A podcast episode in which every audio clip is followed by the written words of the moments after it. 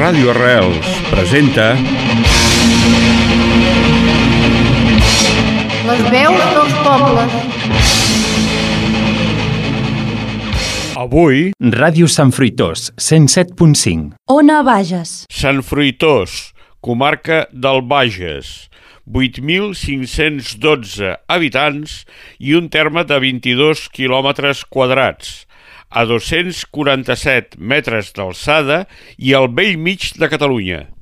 Ens en parla Jaume Grandia, historiador local.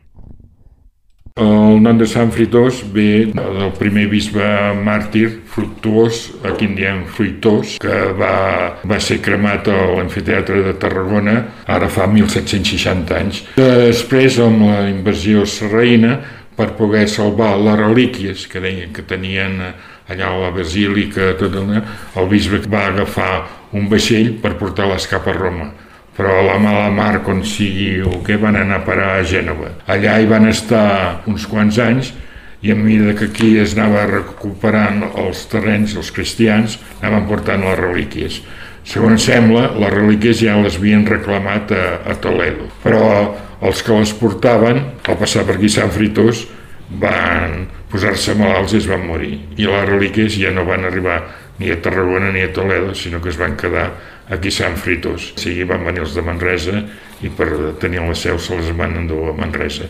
De què ve el nom de Sant Fritos que està, està datat de, hi ha alguns documents de l'any 950 unes quantes cases suposo que hi devien veure que és el que era la, és encara la Sagrera, que encara de Sant Fritos va dependre molt, van una relació amistat-odi amb el monestir de Sant Benet i, i fins al, al segle, fins ara, al segle passat, doncs, esclar, era un poble agrícola. El segle XIX va destacar molt i el 18-19 que és el que, quan va començar a créixer, que es va fer el, el que ara és el, el carrer Pedró, que era el camí ral, doncs per la, pel vi, per la vinya, que perquè hi havia destil·leries i s'exportava els licors i els vins a tot Catalunya.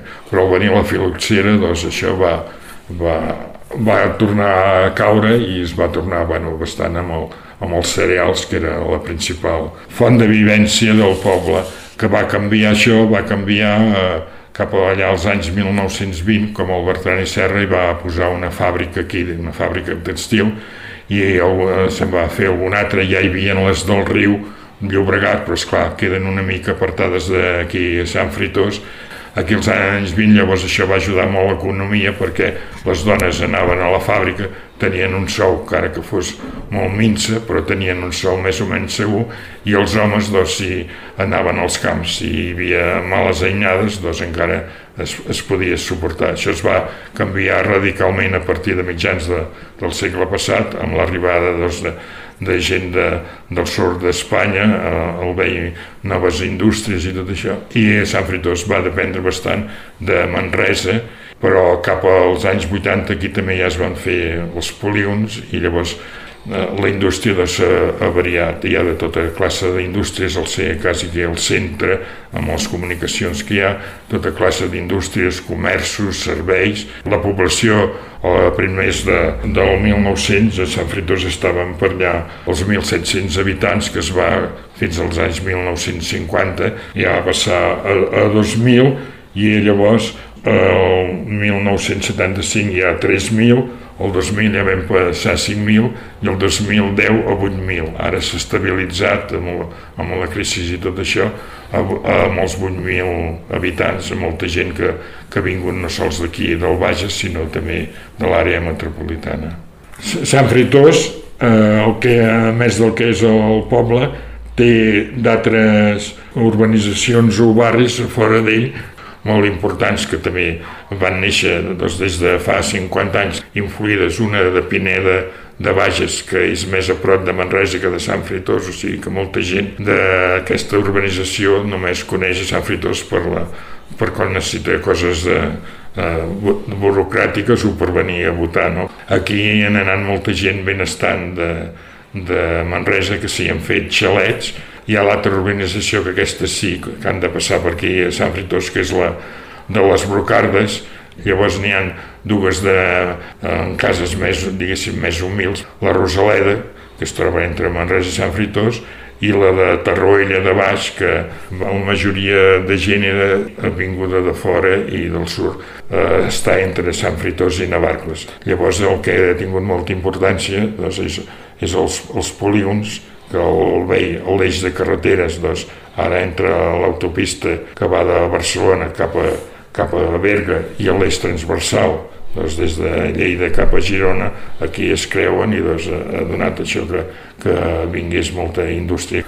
Sant Fritós, eh, a més doncs, de recomanar doncs, la, la visita al que és la, la part d'aquí de la Sagrera amb l'església parroquial, tenim el monestir de Sant Benet de Bages, benedictí, que està a uns dos quilòmetres i eh, eh va estar fins fa uns 15 anys eh, era particular de, de la família del, del pintor Casas. Llavors el que encara era a Caixa Manresa amb la seva fundació ho van comprar per restaurar-ho i fer allà un hotel i el que ara tots coneixem com a Mont Sant Benet. S'hi fan moltes activitats i és un pol turístic doncs, que, que treu bastanta, bastanta gent. Ara ha quedat a, a mans de, de la Fundació Caixa Catalunya, eh, s'hi fan convencions, eh, aquí a més de, dels hotels i de la part del, del monestir també hi ha la Fundació Alícia, que és un lloc on s'experimenta amb aliments, tot al voltant s'hi han fet horts i allà doncs, eh, diferents productes agrícoles, molts doncs, com eren enciams, mongetes, allò que eren pròpies d'aquí al Bages ara es tornen a recuperar. També hi van diferents cuiners i d'allò a fer pràctiques i és un altre pol d'atracció que té aquí a Mont Sant Benet. De Sant Fritós, bueno, a més de recomanar totes aquestes visites, també una de les, de més de les festes majors i, i d'alguna festa tradicional que s'ha recuperat, com la de, dels Tres Tons de Sant Antoni Abat, eh, tenim la festa de l'arròs, que és una de les festes úniques que abans era la festa de la sopa dels pobres. Aquí era el dimarts de Carnestoltes, però ara es va passar el diumenge de Carnestoltes. I aquí, en aquesta festa, doncs, es reparteix l'arròs. Ara no és els pobres, sinó són la, tota el, la gent que hi vulgui anar, doncs pot eh, gratuïtament anar a menjar un plat d'arròs anar a dinar a la, a la pista del Bossec, que nosaltres és un, un paratge també molt maco.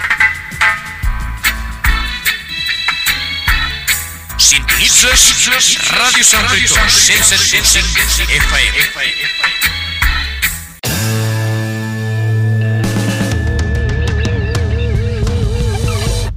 Rockies in the Air. Tots els dimarts de 7 a 8, Amèric Artigas i Adrià Serra. Aquí, a Ràdio Sant Fitós. Com a casa teva.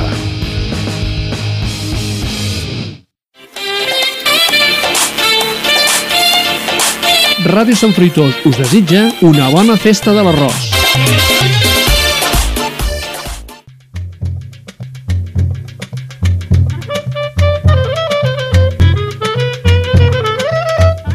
De més enllà, amb Jordi Garcia.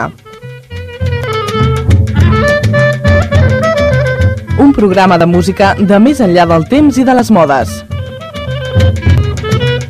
De més enllà de les fronteres. De més enllà de la predació consumista. Ara comença De més enllà amb Jordi Garcia.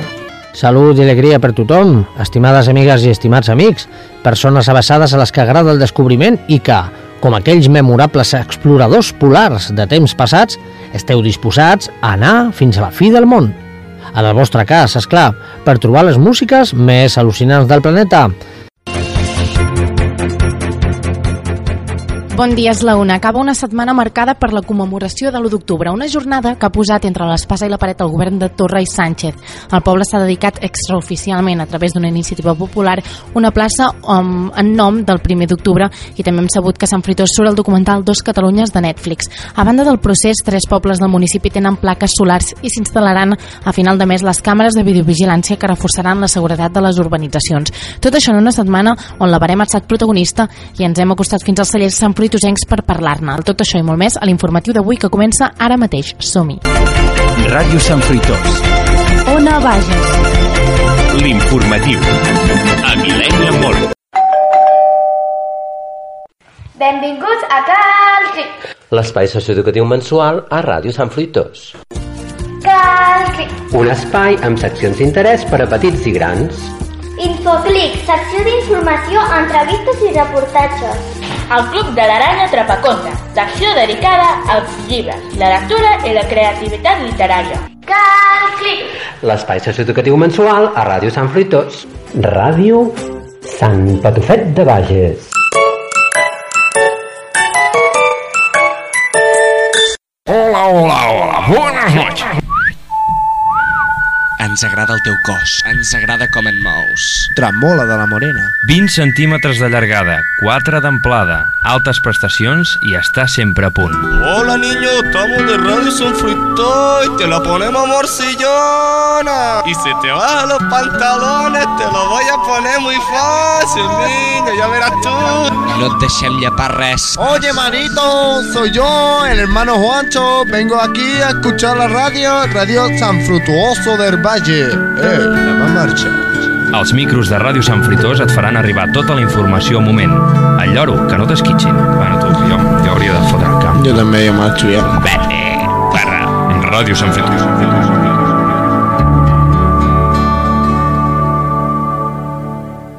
El següent tall de veu correspon al programa Des de dins, realitzat pels interns del Centre Penitenciari de Lledoners, on hi ara hi han segrestats alguns dels nostres polítics, per cert.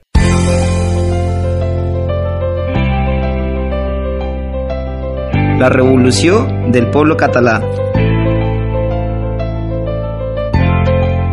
Hola, segona part de la revolució catalana des del meu melic. Ho vam deixar 150, article 150, i avui recobrem amb els 155 Mossos que estan investigats. Eh, tenim que fer una revolució social, una mica més d'intolerància, però intolerància pacífica. Aquí la situació, ja veus, des de dins els Jordis els fiquen a la presó, els consellers també els posen a la presó, la gent de la terra catalana està agredida física i psicològicament, el govern espanyol suposo que algun dia s'adonarà d'aquest mal que ens ha fet i que no ens farà més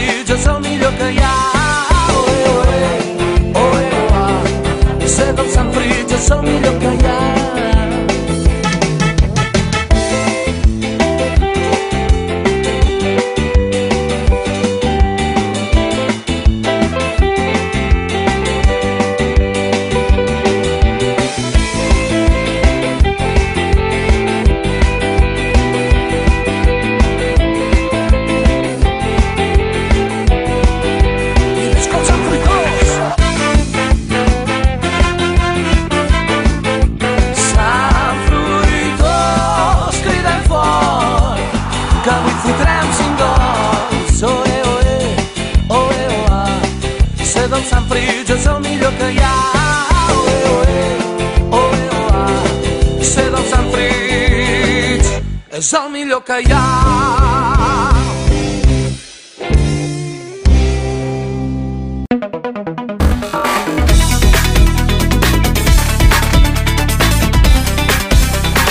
Ràdio Sant Fruitós. Ona Bages. Ens trobem avui als estudis de Ràdio Sant Fruitós, a la vila de Sant Fruitós de Bages, a la comarca del Bages, a la Catalunya central, perquè us situeu molt a prop de Manresa, com a gran ciutat propera de referència. Estem amb el responsable d'aquesta emissora, l'Agustí Massana, que tenim al nostre costat. Bon dia, Agustí. Hola, bon dia, què tal? Sou una emissora municipal, tot i que gestionada i, i finançada principalment per una associació. Sí, correcte. L'associació eh, Ràdio Sant Fritós. De la qual tu ets el president. Correcte. Vosaltres comenceu a l'any 82 en el, la llau d'emissores municipals que es produeix a Catalunya, dos radioaficionats, amb molta il·lusió, moltes ganes, eh, recolzats des de l'Ajuntament, comenceu com podeu sí. i feu el que podeu. Sí, correcte. Resulta que aquesta emissora van passant els anys, es va consolidant en el poble, aneu passant més gent, tu hi vas ser al principi. Jo hi vaig ser, però no com a responsable d'organització, sinó com a col·laborador. Però conec molt bé com va començar, perquè tenia un germà a l'Ajuntament, també, que és dels que dels que ho va impulsar, però aquí sí que van ser dos que van parlar amb l'Ajuntament, coi, per què si estan ja començaven a néixer emissores municipals per tot arreu de Catalunya, per què no muntem una aquí a Sant Fritós, no? I, i recordo que sí, que era una, érem una caixa de sabates. Sí, però avui en dia teniu uns estudis que és un petit edifici al mig d'un parc, sí. un parc preciós, realment és un luxe treballar aquí al mig de la verdor i la natura.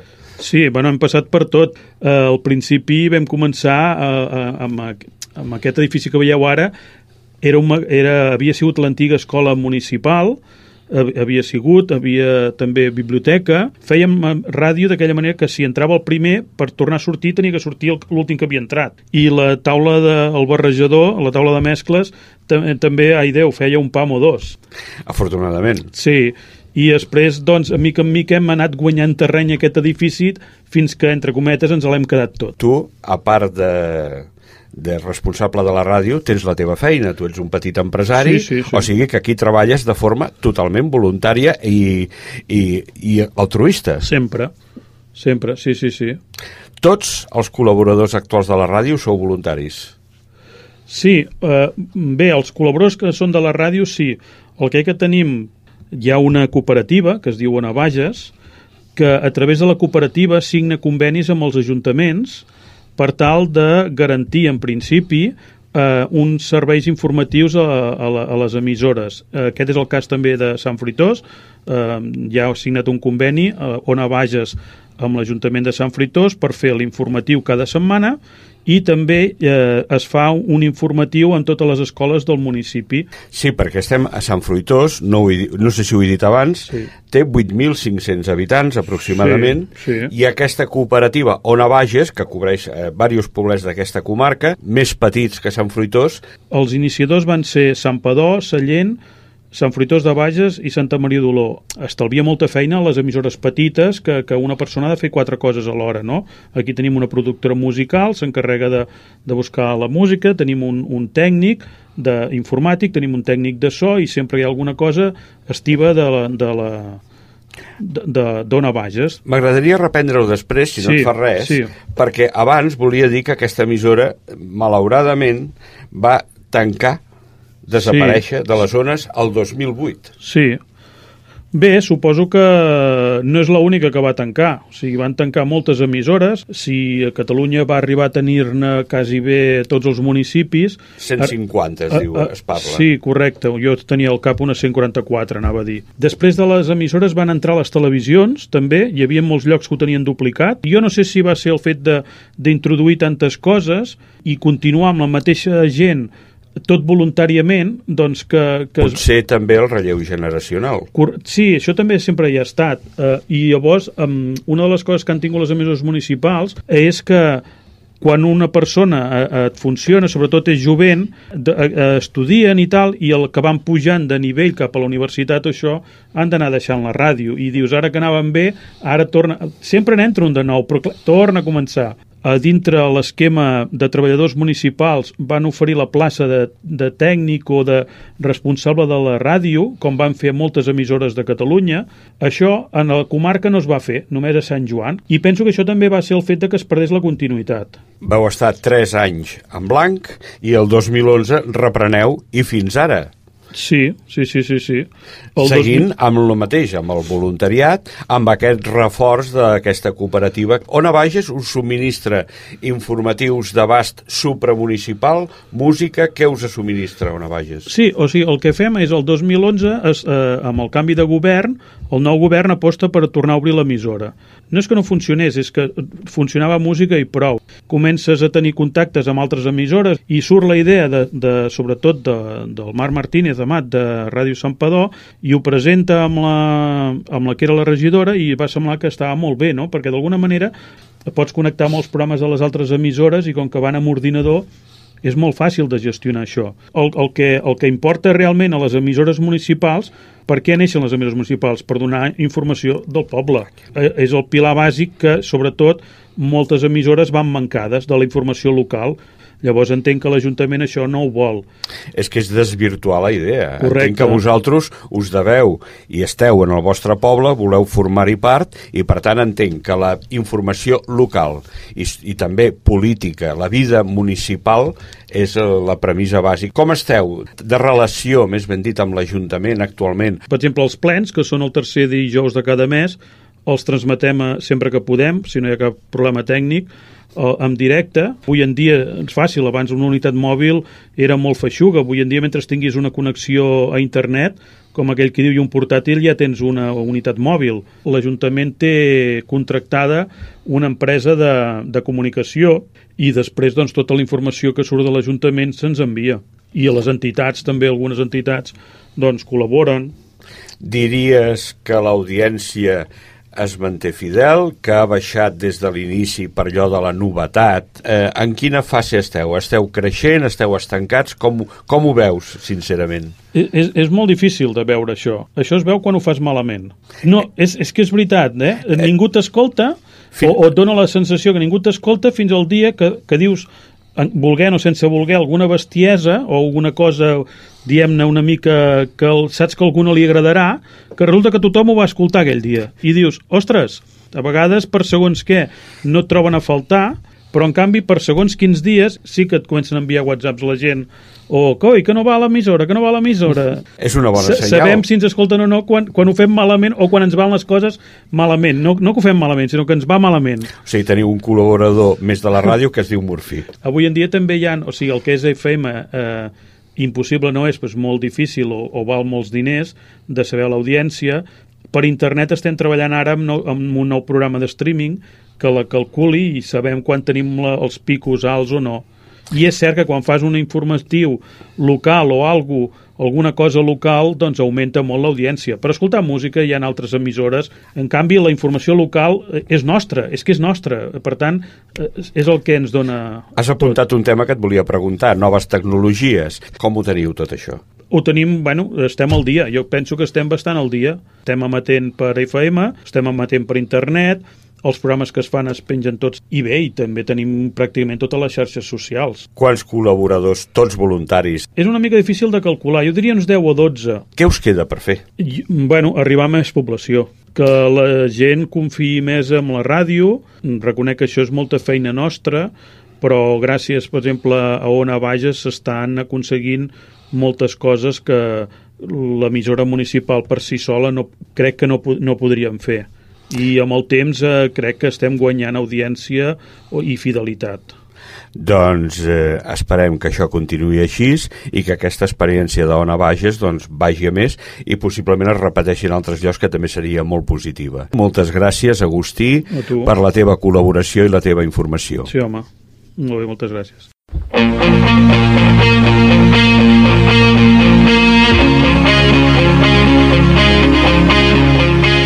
Les veus dels pobles és una sèrie de programes de Ràdio Arrels dedicats a les ràdios locals de Catalunya Sud.